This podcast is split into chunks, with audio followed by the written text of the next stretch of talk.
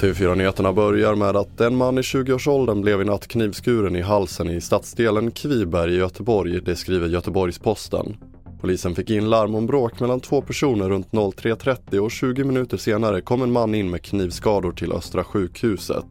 Polisen misstänker att det var en av personerna inblandade i bråket och en förundersökning om försök till mord är inledd men ingen är gripen. Och ännu en rysk medborgare har gripits i Norge för att ha brutit mot lagen som förbjuder ryssar att flyga drönare i landet. Det rapporterar VG med hänvisning till Bergenavisen.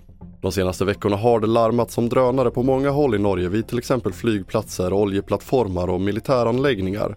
Flera ryska medborgare har gripits och förbudet mot ryska medborgare att flyga drönare i landet har utfärdats i samband med sanktionerna mot Ryssland. Och vi avslutar med att ex-presidenten Donald Trumps tidigare rådgivare Steve Bannon döms till fyra månaders fängelse för sitt agerande efter stormningen av Kapitolium i fjol. Bannon vägrade låta sig frågas ut under kongressutredningen med hänvisning till det skydd som omfattar presidentämbetet. Sedan dess har han vänt i frågan men rättegången genomfördes ändå och igår kom domen. Fler nyheter hittar du på tv4.se. Jag heter André Metenen Persson.